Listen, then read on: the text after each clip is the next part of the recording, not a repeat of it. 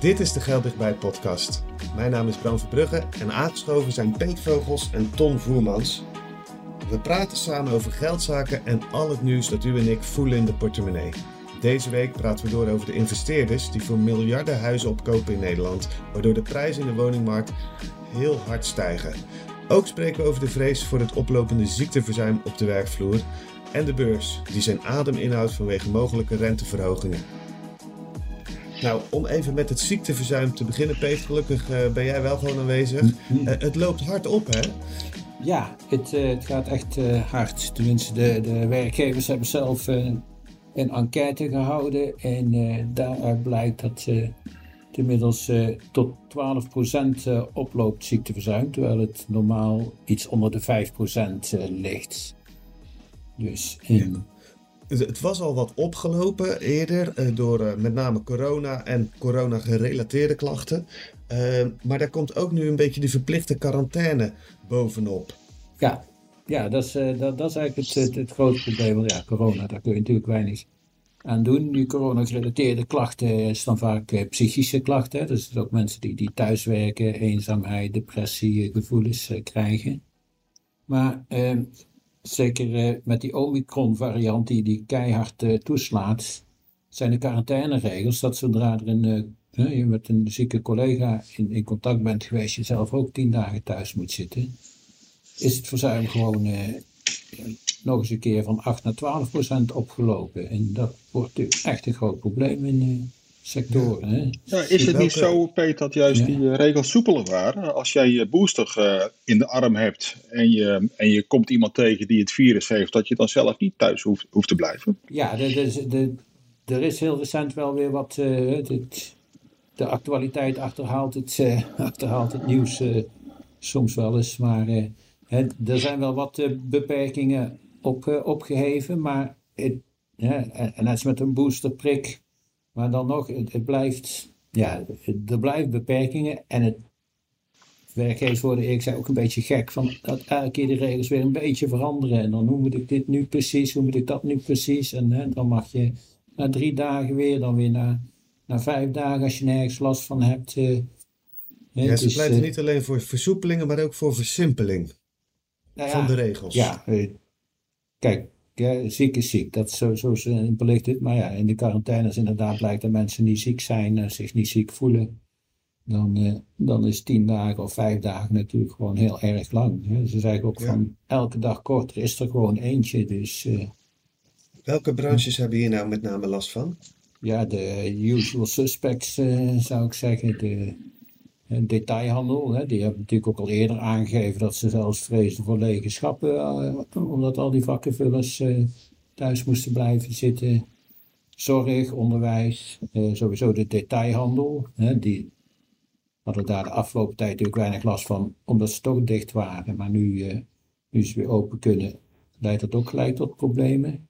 De industrie, de, de, de metaalindustrie heeft er al heeft ook een enquête gehouden en die zeggen nou, vier op de tien bedrijven kan gewoon al minder produceren en niet aan de vraag voldoen vanwege dat hoge ziekteverzuim. En dan maakt het ook heel moeilijk om andere mensen weer ja, om vervangend personeel te vinden.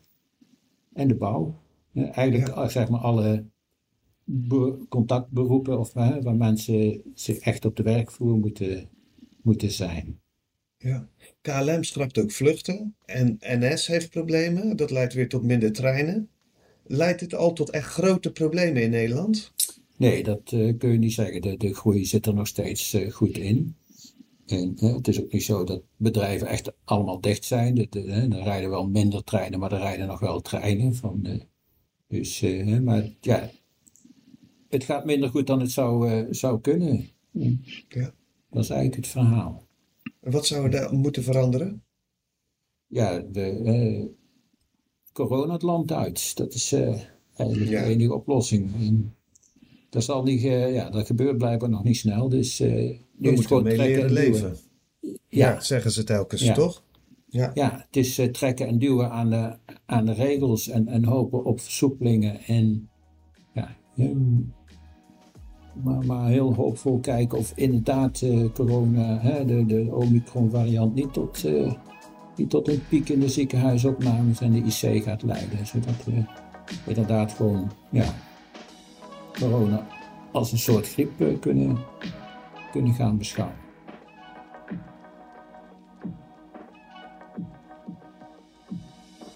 Fietsenproducent Axel wordt overgenomen door een groep investeerders. Het consortium onder leiding van KKR heeft 1,6 miljard euro over voor een bedrijf.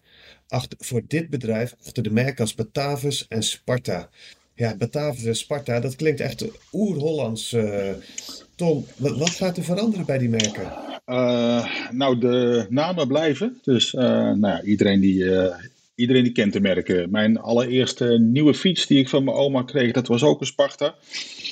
Ik reed in drie maanden helemaal tot uh, gruzelementen, maar dat, dat tegen uh, zij. Het was een, het was een leuk, leuke fiets.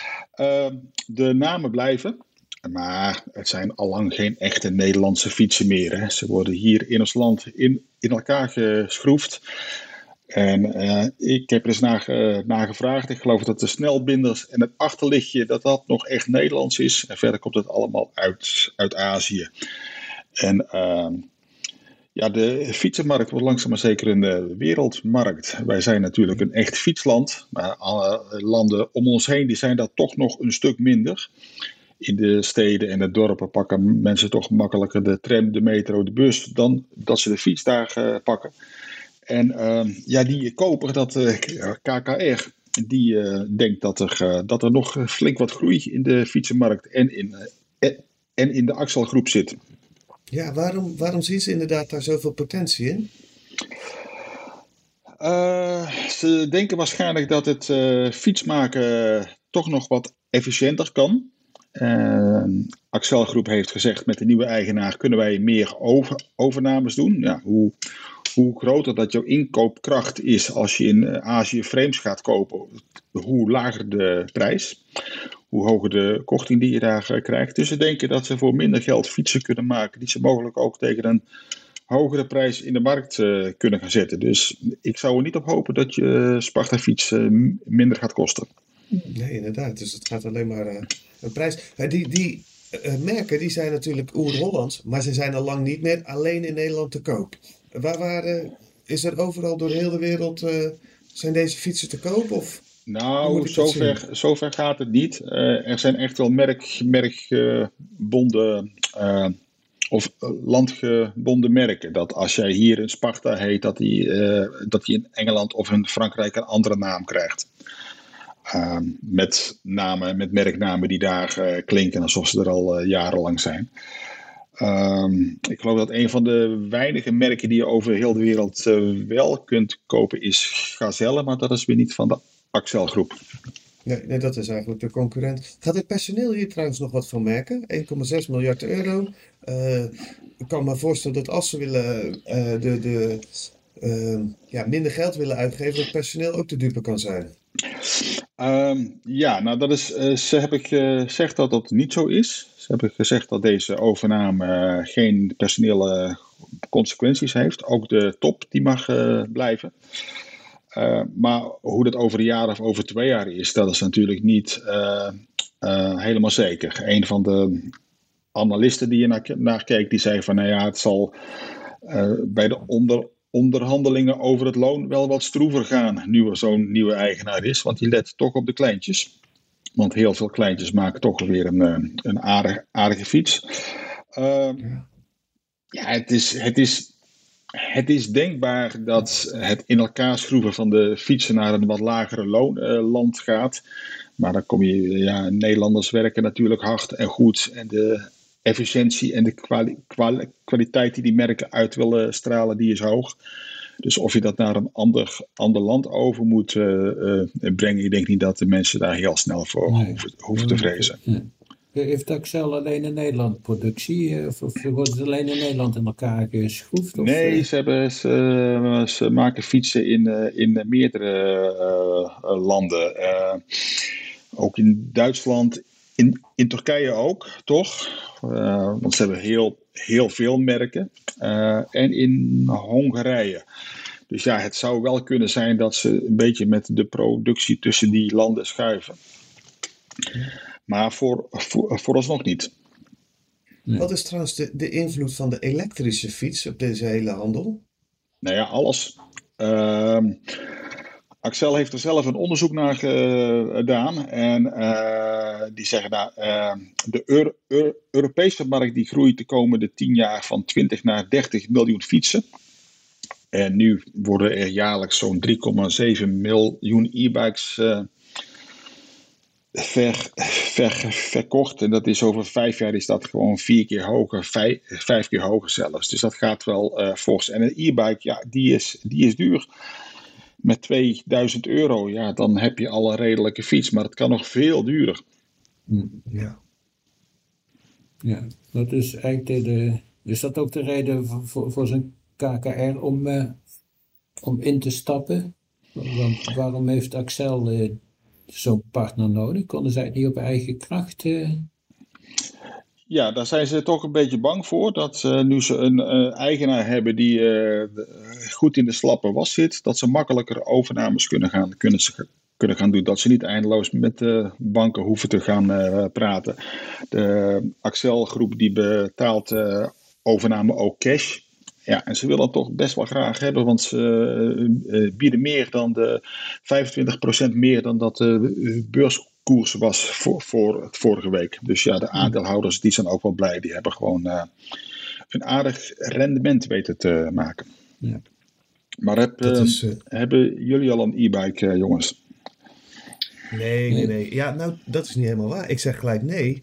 Maar ik heb wel een elektrische bakfiets. En dat fietsen, dat is eh, voor zo'n bakfiets ook echt nodig, want uh, dat is een heel zwaar ding. Um, en ik heb hem één keer, uh, had ik de batterij niet goed opgeladen, toen moest ik nog, uh, nog terug. Nou, dan kom je met een heel nat ruggetje aan. Um, maar de gewone fiets doe ik nog gewoon met de bovenbeentjes. Ja, ik ook. Zelfs een slappe band weer. veel Hollandser kan het niet. Nee. Oh, nee. Tegenwind, natte ja. haren.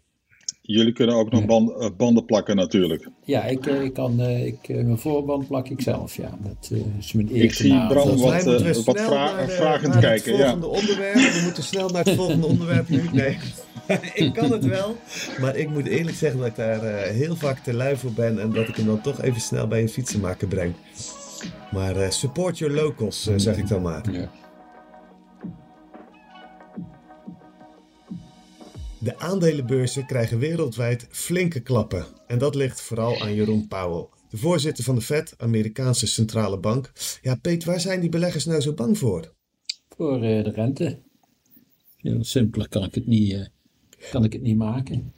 Dus uh, dit, kijk, de beurs zijn natuurlijk eigenlijk al, al, al meer dan tien jaar aan het, aan het stijgen, ongekend lang. En dat heeft alles te maken met het beleid van de centrale banken de Europese, de Amerikaanse Fed, eh, die bij de vorige crisis hebben gezegd, we gaan de rente laag houden om de economie te stimuleren. En, dan, en daarnaast ook nog uh, zijn ze voor, voor duizenden miljarden leningen gaan opkopen. En dat geeft ook nog een drukkend effect op de rente. Dus dat uh, werkt aan twee kanten door. En ja, de markten zijn gewoon eigenlijk al verslaafd geraakt aan, uh, aan lage rente en gratis geld dus bij elke keer als er toch weer een dipje dreigde, dan werd er weer meer geld in de economie gepompt, de rente nog verder verlaagd. En uh, ja, zo heeft dat feest uh, tien jaar lang uh, is dan doorgegaan. Tot vorig jaar ineens inflatie om de hoek kwam kijken.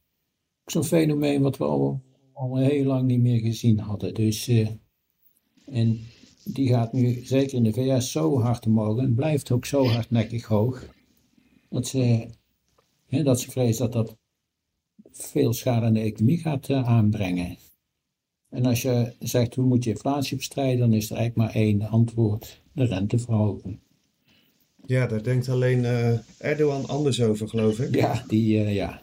daar gaat het dan ook niet heel erg goed. en dus, nee. nee die dingen. Nee, met het, kijk, en het, dat het nu nu die beurs ineens zo onderuit gaan, dat heeft ook wel gewoon te maken met de communicatie van. Uh, in december zei uh, Powell nog van uh, de rente blijft voorlopig nog heel laag. En nou, het is nu eind januari.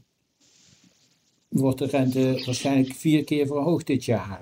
en hij sluit zelfs niet uit dat het er nog meer worden. Dus nee, ja, en dat, dat heeft natuurlijk tot toch wel tot een ja, flinke schrikreactie geleid. Ja, precies. Wat hij hintte ook op een, uh, in een toelichting op het Amerikaanse rentebesluit op een verhoging van de rente in maart. Hè? En ja. dat zou uh, heel uh, ja, ongunstig zijn voor, voor de aantrekkelijkheid van die aandelen. Ja. Zag je daar gelijk al gevolgen van? Ja, ja dat, maart dat was eigenlijk al, al, al een zekerheid. in het jargon van de beurs zijn er al vier renteverhogingen ingeprijsd. Dus uh, die, die daling die is al zo groot omdat beleggers er al van uitgaan dat er vier keer een kwart procent bij de rente zal komen. Ja, nu gaan ze zelfs van, misschien worden het er wel zes en wordt het wel een half procent per keer in plaats van 0,25 procent. Dus de, de, de, ja, de schrik zit er goed in. Dus, ja. Uh, ja, Wat zijn de gevolgen dan op de beurs? Ja, uh, AX is al meer dan 10% van zijn in november vorig jaar stonden de beurs wereldwijd de hoogste standen ooit. Daar zijn ze inmiddels al meer dan 10% van kwijtgeraakt. Amerika ook, eh, ligt er een beetje aan welke in, index je neemt, maar ook al 10%. Azië, alles eh, gaat gewoon naar beneden.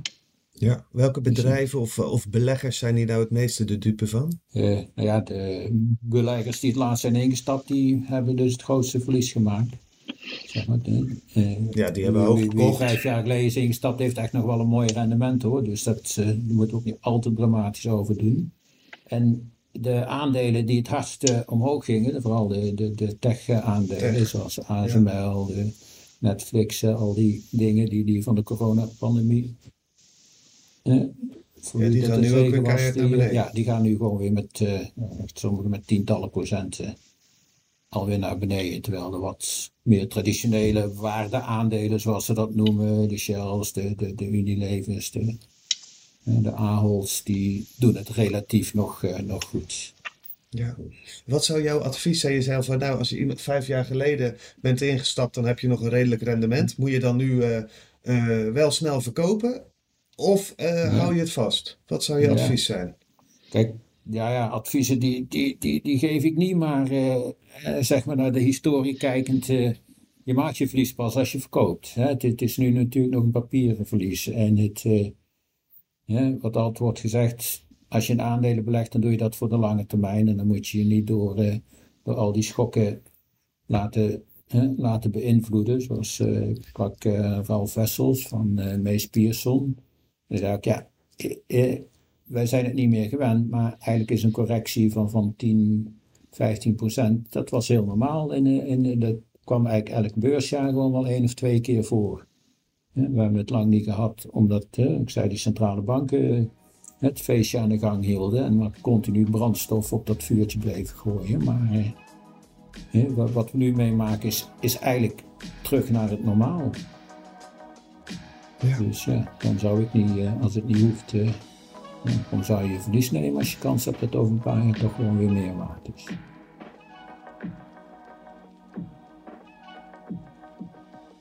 We gaan eigenlijk van, uh, nou ja, van de ene belegger naar de andere. Want ook uh, de grote institutionele beleggers, uh, en vaak zijn dat Amerikanen, die hebben, voor de die hebben de afgelopen tien jaar voor meer dan 15 miljard woningen in Nederland opgekocht. Uh, ja, 15 miljard. Dit is een uh, astronomisch bedrag natuurlijk, uh, Ton. hoeveel woningen zijn dat? Of kan ik dat vergelijken met, met een stadje? Of waar moet ik dan aan denken? Ja, het is ehm, een beetje afhankelijk van wat je koopt natuurlijk. Een groot vrijstaand huis is duurder dan een, dan een appartementje, driehoog achter. Maar uh, schattingen zijn toch wel dat het al snel uh, 40, 50.000 huizen zijn. En ja, dan, dan heb je het over een aantal huizen waar de, waar de stad als Docht twee keer in, in zou passen. Dus het gaat echt om grote aantallen woningen. Ja, ja inderdaad. dit uh, blijkt uit een onderzoek naar de rol van die investeerders op de Europese woningmarkt. Dat is een opdracht van de Groenen in het Europese parlement uitgevoerd. Uh, jij sprak Europarlementariër Kim van Sparrentak van GroenLinks. Waar pleit zij nou eigenlijk voor? Nou ja, wat zij, wat zij zegt van ja, het is zo vreselijk, zegt ze. Eigenlijk zijn die hele rijke Amerikaanse pen, pensioenfondsen een soort um, monopolie aan het spelen met huizen. Zien ze huizen als middelen om geld mee te maken, terwijl het eigenlijk iets is om in te kunnen wonen. En ehm, zij wil dat het gewoon niet meer mogelijk wordt. Een aantal Nederlandse gemeenten zijn daar al mee bezig. Door te eisen van als je een huis in onze gemeente koopt, moet je er ook zelf gaan, zelf gaan wonen. Anders mag, mag je niet meer kopen. Maar zij wil dat dat, dat het veel breder wordt. Dat, het, uh, dat de Europese Unie financiële regels maakt die, voor, die voorkomt dat je woningen uh, op grote schaal op gaat kopen. En waar ze ook wel voor voelt, is een, is een wet die Spanje aan het maken is. Die, die zegt, want een van die Amerikaanse investeerders, Black, Blackstone, is in Spanje de allergrootste huur, huurbaas. Ehm, die, die eist dat je van alle woningen die je hebt, dat, dat minimaal 30 pro, procent daar, daarvan als een sociale huurwoning aangeboden wordt.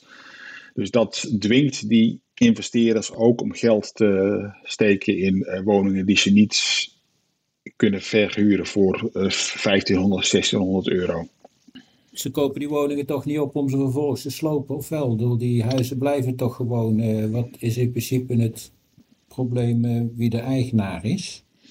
Het probleem daarbij is, is dat zij zeggen van nou, omdat er een hele grote koper op de markt is, uh, is er meer vraag naar woningen. Is een deel van de prijsstijging van de huizen te verklaren door dat feit. En wat ze ook zeggen van ja, als een grote investeerder eenmaal huur, huurbaas is, dan zal die steeds met een maximaal toegestaande huurverhoging komen. Om een uh, woning die nu nog uh, 1100 euro kost, dat die over een x aantal jaar 500 euro kost. En ze zegt, je, je krijgt ook problemen met onderhoud. De, gemeen, de, de gemeenschappelijke ruimte, die worden minder goed bijgehouden. En... Um, nou ja, zij, zij, zij keert zich daar, daar echt tegen. En ze zegt, huizen die zijn er niet voor om er geld mee te, ver, te verdienen, maar om, maar om in te wonen. Nou ja, eigenlijk zijn we met z'n allen, iedere huizen, huizenkoper die verdient mo momenteel met zijn huis. Kijk maar naar de schuld die je hebt en wat het, wat het huis waard is. En je ziet dat je zomaar uh, 50 of 100.000 of nog meer euro's rijker, rijker bent. En die Amerikanen doen dat op uh, grote schaal. Ja, en die Amerikanen mogen dat niet, maar wij dan ook niet meer straks? Moet ik dan ook mijn um, huis voor mijn aanschafprijs verkopen? Uh, mensen mogen het wel, denk ik. Het, het, het, is nog maar de vraag of het erdoor komt. Want ja, het zijn natuurlijk niet alleen de Amerikanen. Een, een pensioenfonds als het ABP doet dit ook. Ja. En, uh, maar ja, zegt ze, dat is een uh, Nederlands fonds en, daar, en die heeft nog leden. En als het uit de spui, spuigaten loopt, dan kunnen die leden altijd nog zeggen dat ze dat niet willen.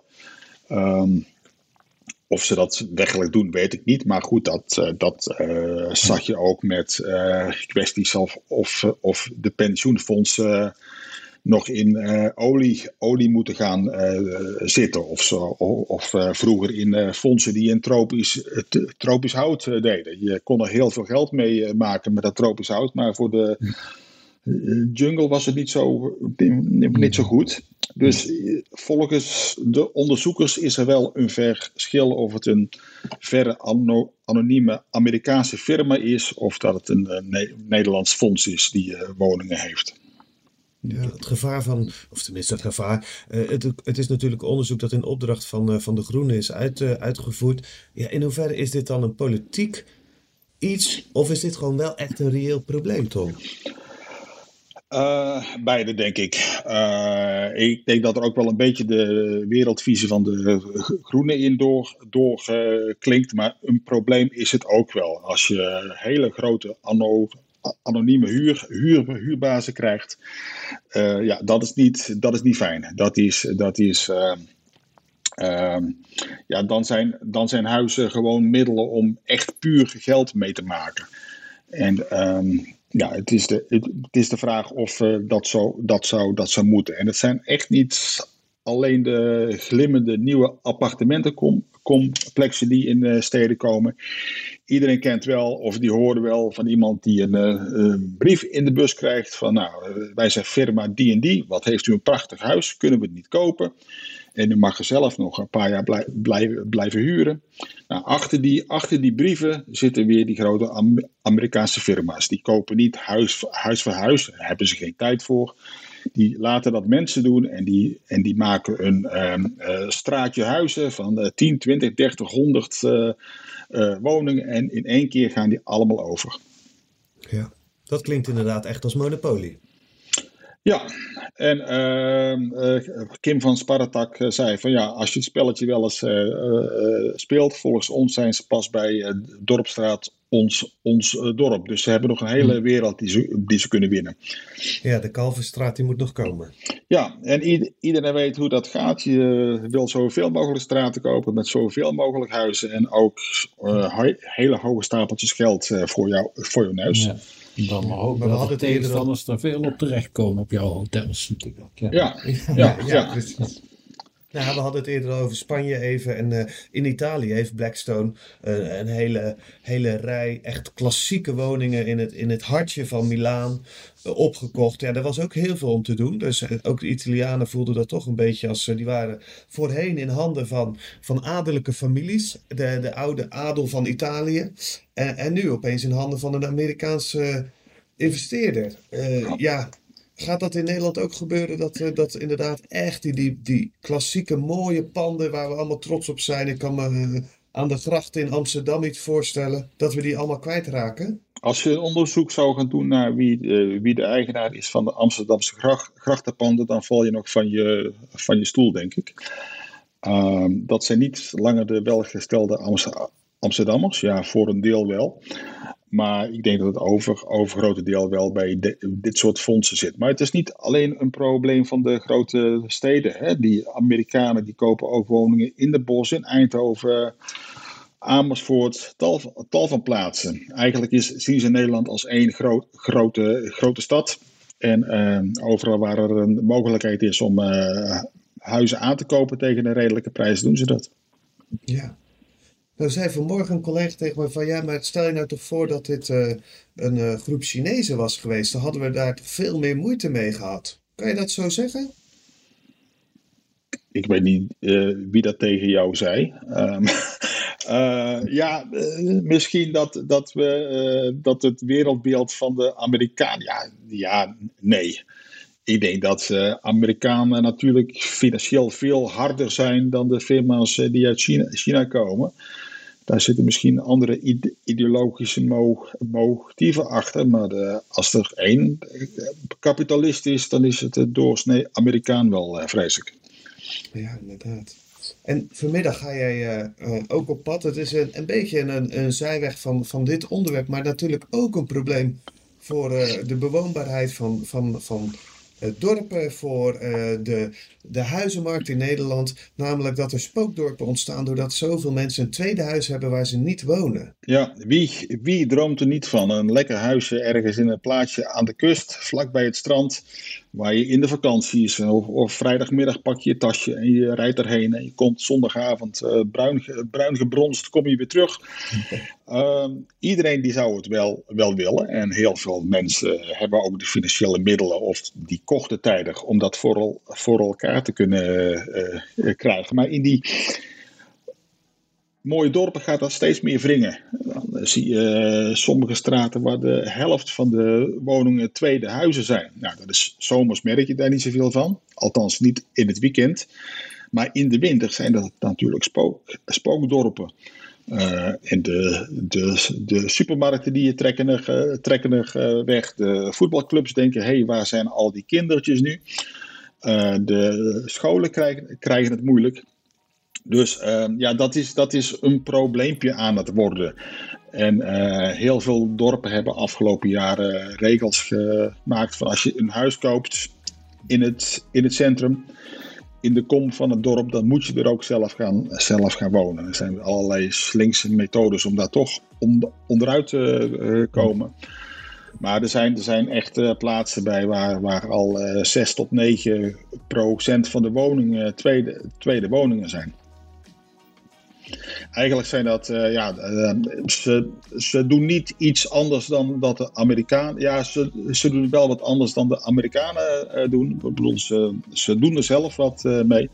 Maar voor de leefbaarheid van zo'n dorp is het natuurlijk niet zo fijn. Als jij in een, in een straat woont waar van no, november tot aan maart s'avonds alle huizen donker zijn. Ja, het is niet prettig natuurlijk. Daar hoort gewoon een kerst, kerstboom te staan en daar moet iemand wonen. Nog beter de Amerikanen die huizen kunnen opkopen. Misschien wel, ja. Ja, ja, ja. En dit is alweer het einde van de Geld Dichtbij podcast. Bedankt voor het luisteren. Uh, bedankt ook Peet en Ton uh, voor alle uitleg. En uh, wilt u de podcast luisteren, dan kan het via uw favoriete podcastkanaal. En hopelijk tot volgende week.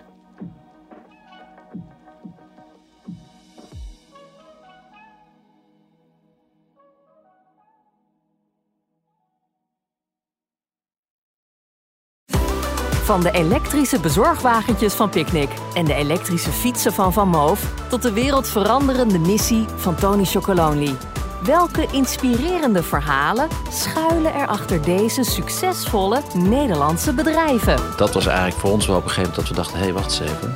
Dit kan wel eens heel groot worden als zoveel mensen in de testfase al enthousiast zijn. Toen ik het uiteindelijk gekocht heb, toen had ik me zo diep in de schulden gestoken dat ik echt ook het gevoel had van nu moet ik ook verdorie laten zien dat het werkt. In Sleutel tot Succes krijg je een kijkje achter de schermen bij het ontstaan van succesvolle Nederlandse bedrijven. Twee jaar geleden nog met grote moeite een lening los kon pulken van 5 miljoen. En nu haal je inderdaad relatief gemakkelijk 128 miljoen binnen. Ga mee op ontdekkingstocht en vind samen met mij, Hannelore Zwitserloot, die ene sleutel tot succes. Sleutel tot Succes is een podcastserie van De Ondernemer en Topcast Media. Beluister Sleutel tot Succes nu in je favoriete podcast-app.